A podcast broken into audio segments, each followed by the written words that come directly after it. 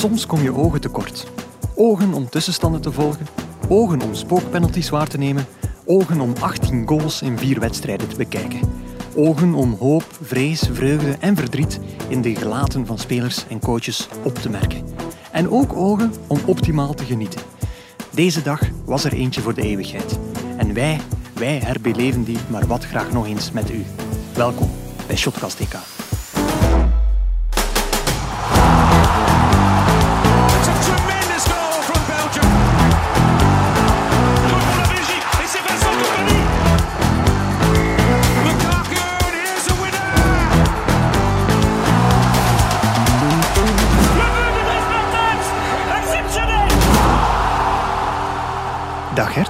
Dag Guillaume.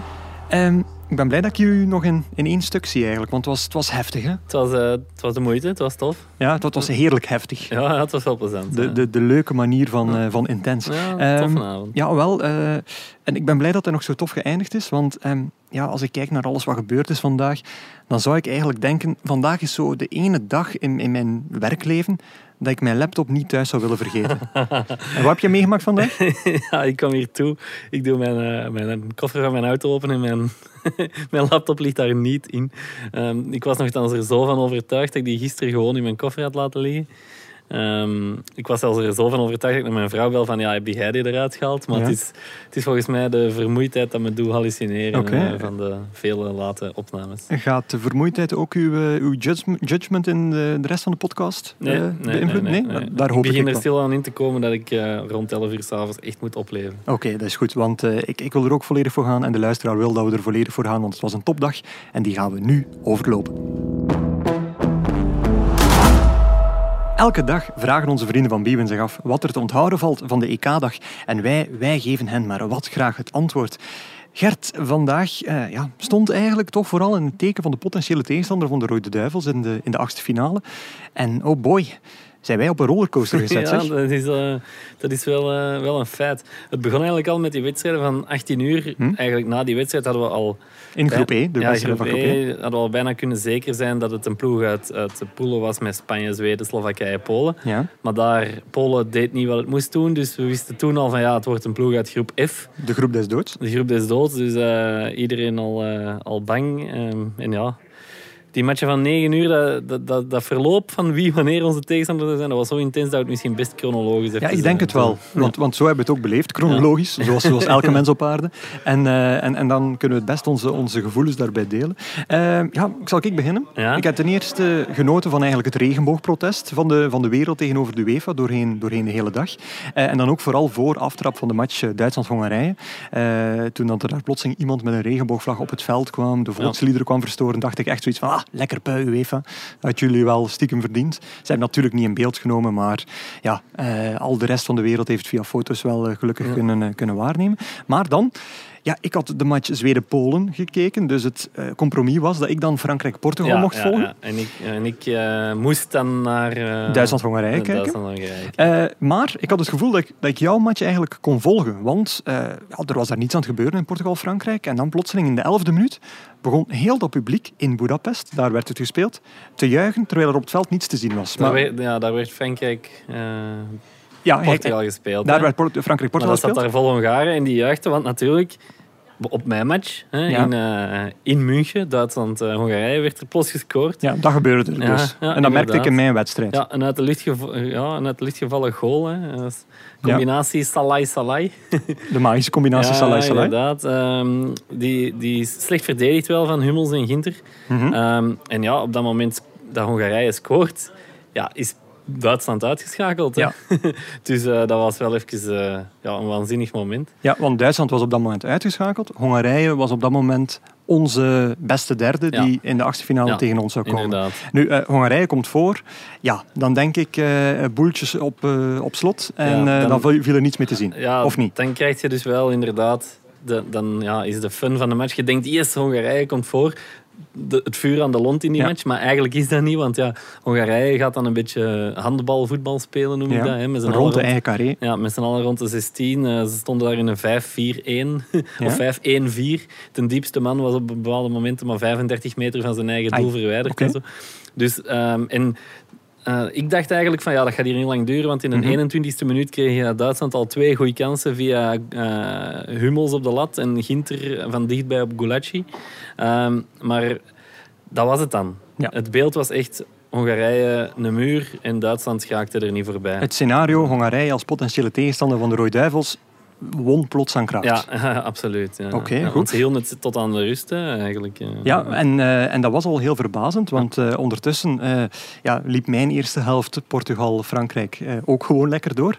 En ehm, ja, daar gebeurde, ook, daar gebeurde eigenlijk heel erg veel. Mhm. Het is zo'n partij waarvan je dacht van, ja, eh, zoveel topspelers, ehm, er waren wat tactische switches. Portugal ging wat aanvallender spelen, Frankrijk nog verdedigender dan eh, dat wij eigenlijk van hen gewoon waren.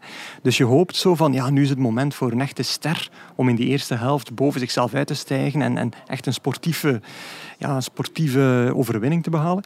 Maar dat gebeurde niet eigenlijk. Er was vooral veel fuss rond, rond kleine zaken, ehm, randzaken, namelijk eerst en vooral een strafschop die er 100% eentje was. Eh, Hugo Loris, die eigenlijk te laat eh bokste Ja. en eh, ja, het hoofd van Danilo mee Ja, had. inderdaad. Met zijn Ehm, elleboog. hè. Met zijn, eerst met zijn hand en dan met zijn elleboog vooral. En, en heel zijn lichaam. Dat moet een immense impact geweest zijn op, eh, op Danilo. Ehm, maar ja, wat daar vooral stuitend aan was, was dat er een, blijkbaar een hele gro- grote groep analisten in het buitenland het geen strafschop vond. Eh, en dan denk ik zo van, ja, ontsla die mensen misschien even, want... eh, allee, ja, Nee, hij raakt wel eerst een bal. ja, dus wel- oké, ik, ik zal ze een keer, we hebben hier een bal liggen, ik zal hem u ontfutselen van tussen uw voeten en tegelijk op uw neus Nee, maar je hebt gelijk. Het is, het is, als je doorgaat, het is heel vaak zo, ook een tackle, als je dan die hebt en je gaat toch nog door op dat Mhm. been, dan wordt er heel vaak gezegd, hey, ik heb toch bal, maar Ja. ja. je gaat ook nog wel door Nee, natuurlijk. ah, wel, inderdaad. Dus ik ben, eh, ik ben van die strekking. Dat was eh, fase 1. Ja, fase 2 was dan geen speler, maar scheidsrechter Laos, die, die de aandacht op zich wou, wou trekken. Want Hoezo? ja, ja, Mbappé die, eh, liet zich nogal makkelijk vallen in een, in een duel met Semedo. Ehm, en Laos was de enige man ter wereld die daar een strafschop had ingezien. Nu, er was contact. Mm, Dat zal de VAR tegengehouden hebben om er geen clear error in te zien en hem dus te, te te herroepen. ja. Ehm, en eh, ja, eh, nu krijg je zo weer zo iedereen die zo anti-VAR is. Terwijl dit gewoon, ja, mogen niet vergeten dat een scheidsrechter ook nog steeds correcte beslissingen moet nemen. Ja, ja, inderdaad. Dus Ja. plotseling van Loris eh, alle schijnwerpers op Laos. Ik nog steeds aan het wachten van ja, wanneer gaat er een keer iets leuks gebeuren. Ja. Ehm, en ja, dan, dan kon ik me toch nog een beetje optrekken aan het feit dat Cristiano Ronaldo die eerste strafschop binnentrapte. Ja, en Benzema dan die tweede. En, en dan was het rustsignaal. 1-1. En dan begon eigenlijk de echte carousel die ons een uur lang heeft, heeft Ja. geïntegreerd eigenlijk. Ja, Nu gaan we echt chronologisch werken. Geïntrigeerd. Dat inderdaad. Nu gaan we echt chronologisch werken. ja, Namelijk ja, eh, inderdaad. eh, minuut 48. Dan gebeurde er iets bij mij. Ja? Namelijk een goal van Karim Benzema. Een Mhm. randje buitenspel, maar eh, de uh, buitenspellijn liet het doorgaan. Wat dus impliceerde 2 voor Frankrijk. Ja? Portugal virtueel uitgeschakeld. En Duitsland werd na Portugal en Hongarije plotseling de virtuele tegenstander van de Rode Duivels. Maar dat duurde 12 minuten, want dan kwam minuut 60. Was er een strafschop voor Portugal. Goal van Cristiano Ronaldo, die met zijn 109e interland goal nu het all-time record van Ali Daei eigenlijk evenaart. Zo even eh, een super record tussendoor dat nog plaatsvindt. Ehm, en dat zorgde ervoor dat Duitsland virtueel weer was uitgeschakeld en Portugal weer de derde werd. En Ja. dan gebeurde er iets in uw match. Ja, want dan zijn we bij minuut 66, nog niet zoveel later. En dan ja, was het goal voor Duitsland van Havertz. Ja. Ehm, 1-1. Dus op dat moment eh, terug Portugal, onze tegenstander. En je denkt dan echt... En Hongarije uitschakeld. Over en out voor Hongarije. Dat denk je dan, hè, de gelijkmaker is er eindelijk. Ja, nu, nu is het gedaan voor de Hongaren. Maar, ik weet niet wat het was, maar de Duitsers die stonden gewoon te slapen bij de aftrap. Want het was aftrap, de bal wordt, eh, wordt naar voren, ge- voorgeramd. En eh, plots staat Schaefer alleen voor... Twee eh, minuten later. Ja, ja na, bij de aftrap. Ja. Schaefer alleen voor, voor ehm, Neuer. En hij maakt het af. Twee, plots toch 2-1 voor de, voor de Hongaren. Weer gejuich in Budapest Ja, op het veld. Ik Van, kon eh, probleemloos meevolgen. inderdaad. Dus Duitsland weer virtueel uitgeschakeld. Hongarije En weer virtueel onze, Onze tegenstander. tegenstander, ja, inderdaad. Dus, Alles op 20 minuten was dat. ja, ja, dus toen leken we er ons met z'n allen bij neer te leggen. Allee, bij neer te leggen, ja. Leek het zo te zijn van. Hongarije tegenstander. Hè. 2016 all over again. Hè. Toen Ja. was het ook Hongarije in de, in de achtste finale voor de Rode. Duivels. Dat was dan de referentiematch, dus het zag er allemaal goed uit. Maar dan, Maar dan minuut 84. ehm, ja, Joachim Leu had ondertussen, denk ik, een beschikbare aanvallend ingestelde speler eh, het veld ingegooid. Ehm, en ehm, eerst dreiging van Kroos al in minuut 81, maar dan in minuut 84 Goretzka met de 2-2. Met de finale 2-2, Ja. die er eigenlijk voor zorgde dat Portugal op dat moment weer onze, onze virtuele tegenstander werd. En Hongarije uitgeschakeld. Hongarije uitgeschakeld, Duitsland nummer 2. En eh dan zou het dan gelukkig ook wel finaal worden. En Ja, eigenlijk ja, zeg het maar. much ado about nothing, hè, want er zijn twee gelijke spelen. Er is twee keer Het is 2-2 exact geweest. hetzelfde Dus het is exact voor- hetzelfde voor de match. als voor de match, Maar als we een hebben er paar ons dagen kostelijk mee geamuseerd. Het was echt geweldig. Eh, ik ben blij dat het wel na minuut 84 niet meer eh, veranderd is. Niet alleen voor, eh, voor, voor ons genot, maar vooral eigenlijk voor de levenskwaliteit van de eindredactie. Want die waren al tien keer gestorven omwille van het feit dat ze constant dingen moesten veranderen. Nu, ehm, voor de duidelijkheid, want ik kan geloven dat het misschien niet makkelijk is. De eindstand in groep F, de groep des doods, is uiteindelijk de volgende. 1 Frankrijk, 2 Duitsland, 3 Portugal, 4 Hongarije. En dat lijkt mij eigenlijk voor Duitsland ja, een, eh, ja, een vlijend iets te zijn, want die balanceren echt op de rand van de ja, afgrond dat, vandaag. dat viel mij ook op. En wat, wat moet, want wat moeten we denken van die ploeg? Hè? De eerste match tegen Frankrijk was niet zo goed. Mhm. tweede match tegen Portugal was dan weer fantastisch, Ja, kunnen we klopt. zeggen. Ehm, en dan nu met de hakken over de sloot tegen, ehm, ja, god beter, het Hongarije. Ja. Dus wat, wat moet je nu denken van die ploeg? Ja, ik denk te wisselvallig om ver door te stoten. Nee, eigenlijk. inderdaad. En eh, ze krijgen nu in de achtste finale, dat is de kraker van de achtste finale, Engeland tegenover zich, op Wembley. Ja. De, de, hij noemde het de oerklassieker van de Interlands. Ja. Ja. Engeland-Schotland misschien, maar ja, Engeland-Duitsland van de moderne tijd dan. Dus eh, ja, ik, ik, eh, dit is een heel mooie test meteen voor, voor Duitsland. Ja, inderdaad. nu, wij zijn vooral geïnteresseerd in onze volgende tegenstander. Dus laten we het daar eens over hebben. Zijn we nog believers? De Rode Duivels mikken op maar één ding: winst. Hoe is het de Belgische nationale ploeg vandaag vergaan? Met andere woorden, zijn we nog believers, Gert, nu we onze volgende tegenstander ook kennen? Ja, Portugal is die volgende tegenstander. Appeltje, eitje? Dat zou ik niet durven zeggen, maar... Je zei zo overtuigend ja, dus ik dacht appeltje, eitje. Ja, maar eh, ik denk, eh, ja, ineens liever Frankrijk dan, eh, liever Portugal dan Duitsland, denk ik toch wel. Ook al heeft Duitsland niet te veel eh, indruk gemaakt. Vertel me eens waarom. Ehm, tja, waarom? Ehm, ik heb eigenlijk vooral opgezocht wat dat er bij, allee, waar we voor moeten opletten eigenlijk bij, eh, Ik zou bij- zeggen- bij Portugal. Cristiano Ronaldo bijvoorbeeld, de ja. all-time topschutter ter wereld in Ja. de geschiedenis van het voetbal. En met vijf goals Topschutter. ja, op, op één man na, maar daar komen we later Ja. op dit, eh, in, deze, in deze podcast nog op terug. Eh, maar ehm, wel drie strafschoppen, vijf goals, Ja. drie strafschoppen. Maar, bon, maar het is meer dan Ronaldo vandaag, Portugal. En dat is hetgeen waar we wel echt voor moeten oppassen, want de tijd dat Portugal een one-man team was, is wel Mhm. voorbij. Hè. Er is heel veel talent, zoveel talent zelfs dat Bruno Fernandes tegen Frankrijk nu gewoon Op de bank op zat. de bank zat. Dus wie lo- ah, daar lopen nog gasten rond als Joao Felix. Ja, die is eh, geblesseerd, maar dat is ook wel nog een ja, asset.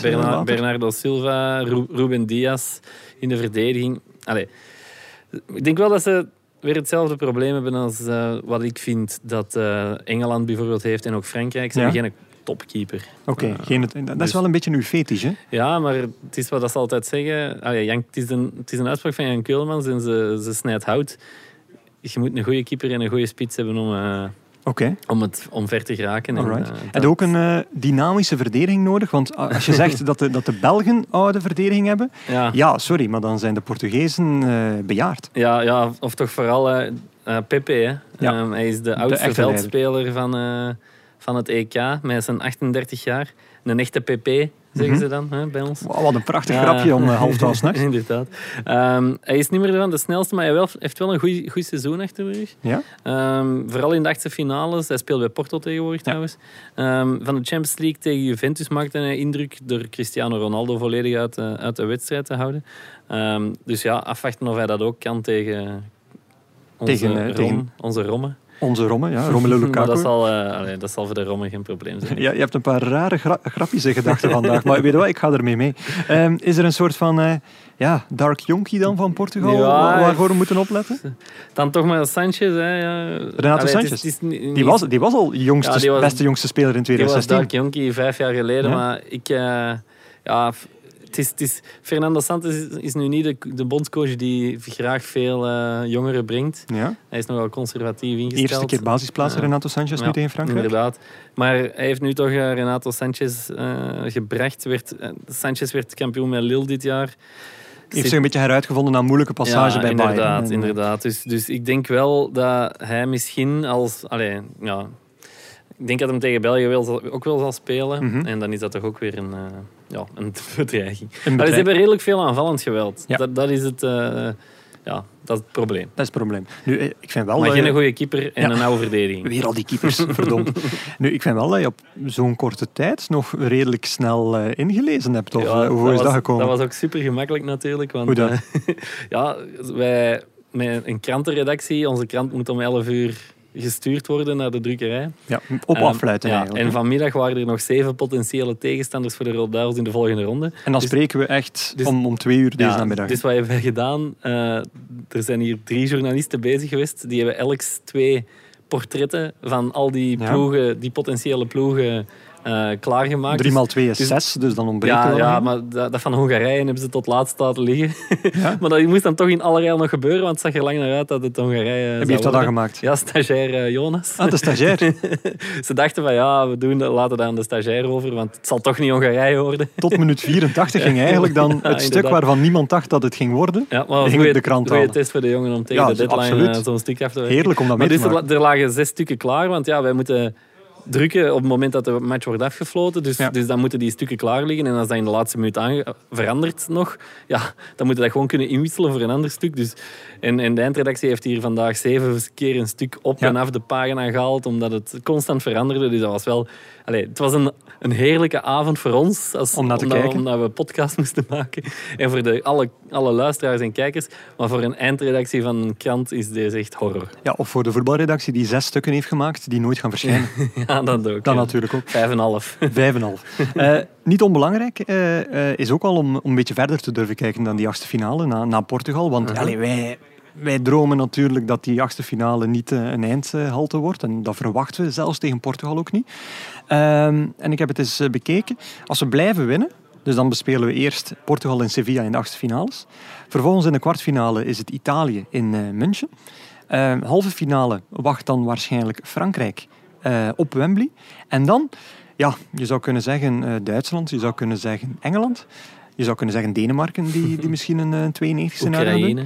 Oekraïne zou je kunnen zeggen. Maar je zou ook kunnen zeggen Nederland Ja. in de finale op Wembley. Want Nederland, die, die hebben toch wel de road to the final die elk ander land zou willen. hè? Ja, die, dat is een beetje België van TK 2016. Ja. Hè. Toen hadden Hongarije, wij Hongarije, Wales, Wales, Portugal Portugal, en dan finale. Frankrijk, Ja. Ehm, zij hebben nu eh, Tsjechië, Ja, dan Wales of Denemarken, ja. dan Engeland of Duitsland of Zweden of Oekraïne, maar het zal dan Engeland of Duitsland zijn vermoedelijk. En dan België. Hè. En dan België. dus, dus eigenlijk tot de halve finale zou je moeten denken hoe van... mooi zou dat zijn? ah, Ehm, finale van de lage landen. Oh, Dat zou geweldig zijn. Goed, maar nu zijn we te veel aan het dromen. ja, ja. Eh, ehm, ik stel voor dat we eh, toch nog even die wedstrijden die dat we eh, niet besproken hebben, de wedstrijden van 6 uur, dat we die toch niet te veel oneer aandoen en ze toch nog even naar boven halen, want die verdienen wel een Het vermelding. waren ook leuk, ja. Het waren ook leuke wedstrijden en daarom gaan we dat nu even aankaarten. De matchen om, eh, om 6 uur, ja, fantastisch leuk om te volgen eigenlijk. En, Ja. en zo jammer eigenlijk dat die van 9 uur er nog waren voor die matchen van 6 uur. Gert. ja, inderdaad. Ze staan nu een beetje in de schaduw. Maar, ehm, want ja, ik had u gevraagd, hè, we hadden het er gisteren al over. Hè. Ik, ik ging... ehm, ben het al bijna vergeten welke match het was. Eh, Spanje-Slowakije volgen natuurlijk. En eh, ja, jij, jij Zweden-Polen. Zweden-Polen doen. ehm. maar ik dacht van ja, die Zweden... altijd al saai voetbal gespeeld. eh, maar achteraf bekeken heb ik misschien wel fout gekozen. Ja, of niet? ehm 3-2. En Mhm. ehm, ik ga iets zeggen wat ik dacht nooit in mijn leven te zullen zeggen. Namelijk, ik heb eh, zwingende eh Zweden Zwingende? gezien. Zwingende. Ik dacht, ik maak ZZ. Nee, swingende Zweden heb ik gezien. Ehm, want ja, Zweden, zoals al eerder een keer verteld, die spelen al hetzelfde voetbal sinds mensenheugenis. Ja. Sinds het jaar 2000 waarschijnlijk. Die een platte 4-4-2, waar iedereen een beetje zot van komt. Dat eigenlijk volledig in teken ook stond van, van Zlatan Ibrahimovic. En eh, ja, dat zag je wel. Zweden was tot, tot eh, eh, deze gisterenmiddag eigenlijk, was het enige ploeg samen Engeland en Italië die nog geen tegendoelpunt had geslikt. Mhm. De reden is niet dat zij zo fantastisch zijn en geen kansen tegenkrijgen, maar wel omdat ze een strakke organisatie hebben. En ehm, ik dacht van, goh ja, dat gaat wel weer gebeuren. Polen gaan we drukken. En dan zullen we zien van, ja, gaan ze erover geraken. Zweden scoorde dan nog eens het tweede snelste EK-doelpunt ooit op een toernooi. Eh, Ah. Ik denk dat Forsberg was die ook Ja, de eerste ja. maakte. Eh, dus dan dacht ik helemaal... twee goals. En twee goals uiteindelijk. En dan dacht ik helemaal van, oké, de deur gaat hier dicht. En Polen gaat, eh, gaat lang moeten rammen. Duitsland versus Hongarije-stijl.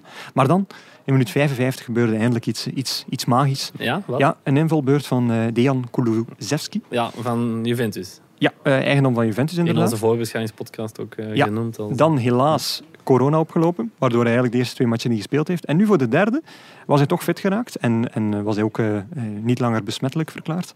Ehm, en hij begon gewoon fantastisch. Een paar heerlijke acties. Hij zorgde voor schwung in die ploeg. Zorgde eigenlijk instant voor een assist. En zou dat nog eens helemaal later doen, ook bij, eh, bij de 3-2. En eh, dat heeft mij een beetje, nou, een klein beetje verliefd laten worden Ja. op, op die Zweden. Oké. Op Zweden of op Kulusevski alleen? Eh, ja, alleen Kulusevski dan, als, als ik eerlijk ben. En, en, en Polen, want ja, Lewandowski loopt daar rond. Eh, Ja, was inderdaad. dat dan zo slecht? eh? Nee, eigenlijk niet, want Polen had ook betere kansen gecreëerd. Ehm, eh, ook hogere expected goals waarde om, om dat nog eens naar boven te halen. Wel Maar- een grote misser hè, van wel, Lewandowski. ja, Lewandowski scoort twee keer, waarvan de eerste die hij scoort fantastisch is. Maar eigenlijk, ja, het is zo jammer voor hem, want iedereen kijkt naar hem als er, iets goed, als er vooral iets fout gaat. Als er iets goed gaat, vindt iedereen normaal. En ja, ik, ik doe dat nu eigenlijk ook. Hij heeft twee goals gemaakt, maar hij heeft een ja, misser eh, gepleegd die hij normaal nooit mist. Een, een actie na een stilstaande fase, dacht ik. Hij kopt de bal tegen de lat, krijgt hem nog eens Voor terug. open goal eigenlijk. Ja, en dan voor open goal nog eens gekopt tegen de lat. Eh, twee keer de lat geraakt op één seconde.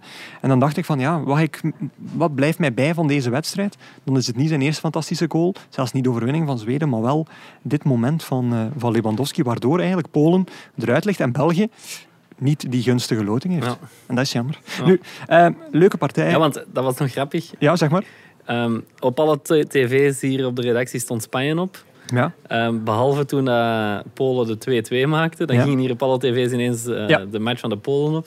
En iedereen was eigenlijk wel voor de Polen supporter natuurlijk. Ja, zo lichtjes. dat- allee, als zij zouden winnen, zou Zweden onze tegenstander eh, geweest worden zijn. Maar, maar toch, ja, natuurlijk, het is misschien beter voor ehm, ja, de kansen die we hebben. Maar ik vind het eigenlijk superleuk Ja, om in Portugal treffen. Ik zeg het, als je TK wilt winnen, doe het dan meteen goed. Alle toppers meteen. Het was een leuke match. Eh, Zweden is groepswinnaar. Eh, Polen ging eruit. Ehm, maar ja, uiteindelijk gaat die match ook de annalen ingaan als een soort gerommel in de marge. En dat geldt eigenlijk ook wel voor die 5-0 van Spanje tegen Slowakije. Tenzij jij iets hebt opgestoken. ik, ik- allee, deze match is, heeft toch wel drie belangrijke conclusies voor mij. Zo. Allee, toch drie op- opvallende vaststellingen. Historisch eh, om drie redenen eigenlijk. Ja. Ehm, want ja, Spanje wint 5-0. In het Mhm. begin hebben we gezegd ze kunnen niet scoren. Ja, ze, ze hebben nu toch wel kunnen scoren. Ja. Ehm, maar het was eigenlijk vooral de match van de ongoals.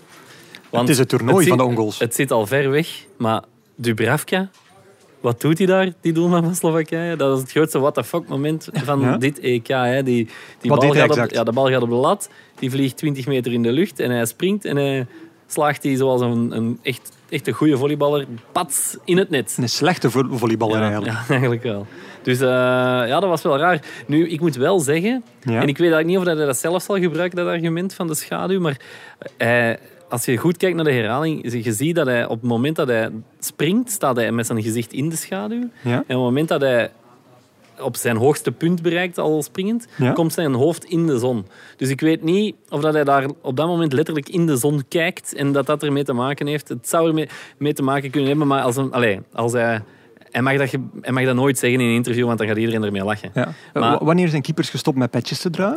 Ja, maar dat, dat, vind ik altijd, dat, vind ik altijd het belachelijkste argument voor- voor de zon. Sorry ja, dat ik het opbreng. Ja, want een keeper die een pet draagt, die kijkt de hele tijd in de schaduw, Ja. totdat je naar boven kijkt. Dan kijkt de los in de zon en dan is dat verschil super groot. Dan kun je beter helemaal geen pet dragen. Oké. Want die zeggen altijd, ja, hij geen pet op. Maar Wat was uw truc als als, je in keeper de, dan? zon, in de zon kijkt, dan helpt die pet u ook niet. Hè. Dan moet je een zonnebril opzetten. En droeg je geen zonnebril Nee, als keeper? Oké, zo. Maar dus Dubravka, ja, die, die maakt hier een, eh, ja, een, een levensbepalend, eh, ja. ja, levensbepalend wel, moment ja, voor dit hem. is wel voor hem, denk ik, zoiets dat zijn hele leven gaat blijven achtervolgen. Een beetje zoals Kusters met Boniek in 82. En een beetje met Frankie van den Dries. Wat, met, hebben die, met wat heeft. Kusters gedaan tegen Bonjak? Goals binnen gaat. Nou, dat was dat toch hè, de enige match dat hij ooit mocht spelen. En dan Bonnier. Ah, oké. En daarom ook Frankie van den Driessen tegen Kroatië, denk ja, ik. Die er vier ronde... die er, die er binnen waait. eh, en ik denk dat dit voor Dubravka ook zo'n moment gaat zijn. Nee, oké. Ehm, nog een tweede ongoal ook in deze match. Ehm, Nog één, oké. Ja, van Kuka bij de 5-0, dramatisch verdedigd. Ehm, en ja, dat brengt ons bij de topschutter. Hè? Ja, niet Cristiano Ronaldo met vijf, maar wel eh, ja, meneer Eigentor. Of her Eigentor is Ja, daar weer. Eigen doelpunt. Ja, die zit aan eh 5 plus 3, want ehm, ja, we hebben hem eh, toch een bericht gekregen van jongens, misschien moet het wel stilaan beginnen opsplitsen in eh ongoals van de doelmannen en ongoals van de, van de spelers. dus in die optiek zouden we Cristiano Ronaldo gedeeld topschutter hebben met veldspelers die ongoals maken, Ja. vijf. En dan op plek 3 staat de reeks Romelu Lukaku, Forsberg, nog een paar anderen. En dus ook eh eh ongoals van de keeper. Ja, dus eigenlijk moeten onze luisteraars misschien namen verzinnen voor de Eigentor veldspeler en een Eigentor doelman. Dat is een goed idee. Dat is een goed idee. Eigentorwaard. De eigen torwart. Oh, prachtig. Maar het is wel een feit dat dit niet alleen het toernooi geworden is met eh, de meeste ongoals, maar in de geschiedenis van het EK, in alle voorgaande toernooien, zijn er evenveel ongoals gemaakt als alleen in de groepsfase van dit toernooi. Oké, Dat is echt waanzinnig. Eh, je had nog een tweede Ja, en een derde conclusie, ja, of ga je het ja, Tweede bundelen? conclusie, de match van de opmerkelijke vervangingen. Oké, Want Hamzik kreeg bij 5-0 een applausvervanging, omdat het wellicht zijn laatste match op een groot zo toernooi is. Maar dat is wel pijnlijk. Hè. Ja, maar bij Panda vonden we dat allemaal zo leuk. Ja, maar bij 5-0. Ja, oké. En het is nog ineens zeker of dat Hamzik gaat stoppen. Het is Ah. sowieso zo'n, allee, het is een laatste match op een toernooi. Maar... Dus ja, dat is al pijnlijk. En Morata, de vervanging van Morata, vond ik ook opvallend, want hij kreeg te, tegelijk klappers en fluiters. Dus mensen die voor Oké. hem klapten en fluiten, terwijl Luis Enrique het volk had opgeroepen om, hem, om hem te steunen. Hij had ook een strafschop gemist in, eh, in deze match. Ja. Ehm, dus ja, een beetje een vreemde, Dat is wel een probleem bij Spanje. fase. Ja, want bij Spanje ehm, is de ploeg, ja, ploeg met een strafschopstrauma. Hè. Geen enkele ploeg in de geschiedenis van het TK miste er zoveel. Zeven al. Ja. Dus ehm, en de laatste vijf penalties eh, allemaal gemist. Sergio Ramos twee keer, Abel Ruiz, Gerard Moreno en nu Alvaro Morata.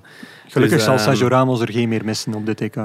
nee, inderdaad. Dus als ze nu tegen Kroatië strafschoppen moeten trappen, dan weten we al eh, wat het zal worden. Ja, en dat doet mij meteen denken van ja, strafschopstrauma, Nederland EK 2000. hè. Ja, inderdaad. Maar daar zullen we misschien een andere keer later Ja. op ingaan, wanneer dan Nederland er effectief weer uitgaat Ja, met een strafschoppen. En de derde conclusie Ja. nog heel kort. De, de match van de straffe invallers Torres en Torres. Dus zowel, Dat vind ik leuk dat je dat ontdekt hebt, zeker? Yes, zowel Ferran Torres, die scoorde bij de 4-0 Ja, met een hakje, hè, maar dat was bij zijn eerste baltoets, straf. na 44 seconden.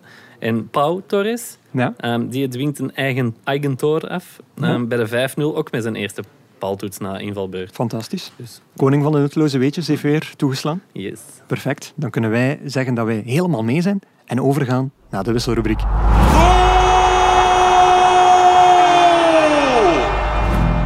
Onze stagiair Jarno Herftijd droomt van een carrière als voetbalcommentator. Dus geeft onze sponsor Bwin hem de kans. Jarno becommentarieert een legendarisch EK-doelpunt aan u om te raden over welke goal hij het heeft. En die goal hoort u nu. De allesbeslissende penalty. Trapt Conor Rousseau zijn land naar de eindwinst. Oog in oog met Bart de Wever. Wie haalt het? We gaan het zo meteen zien.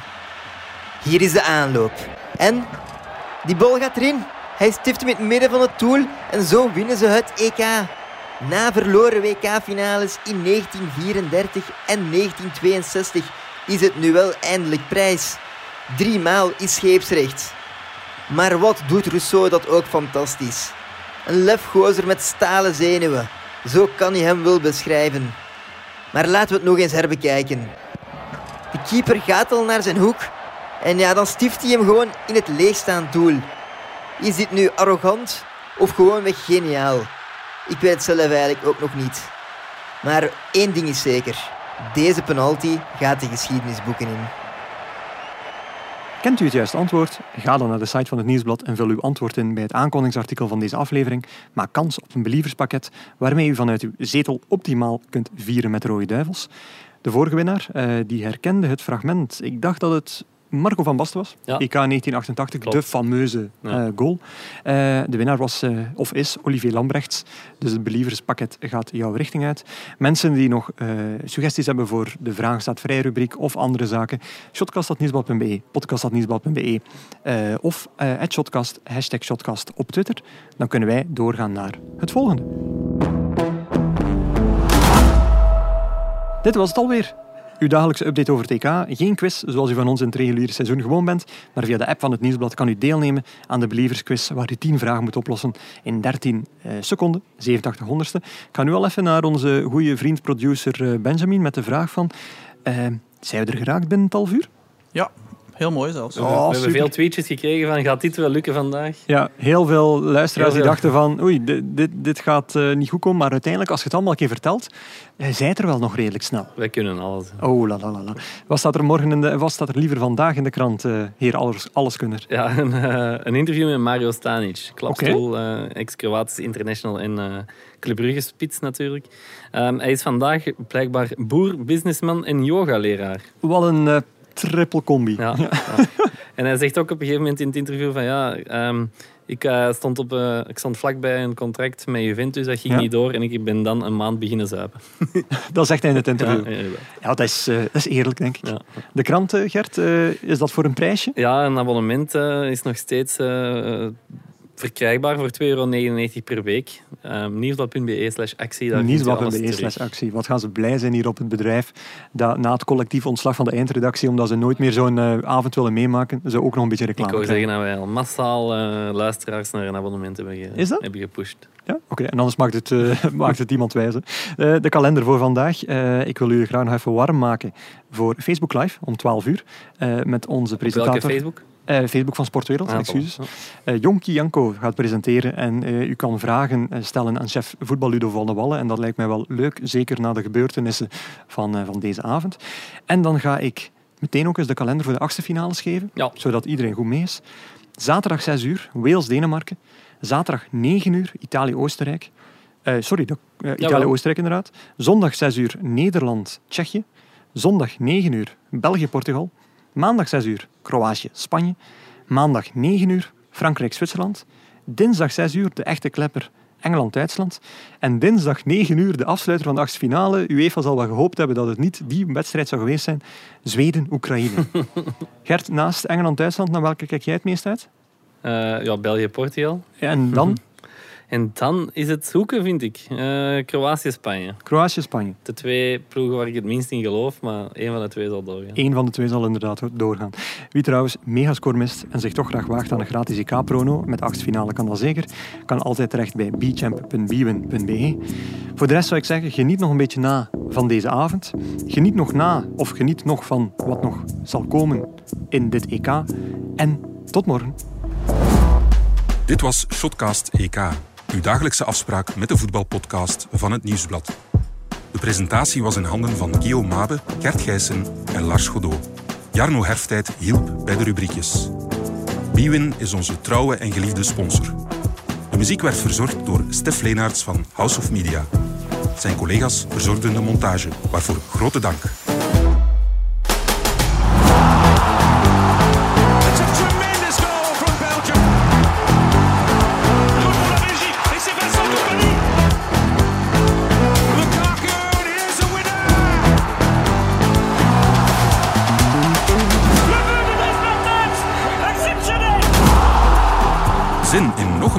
Van het Nieuwsblad?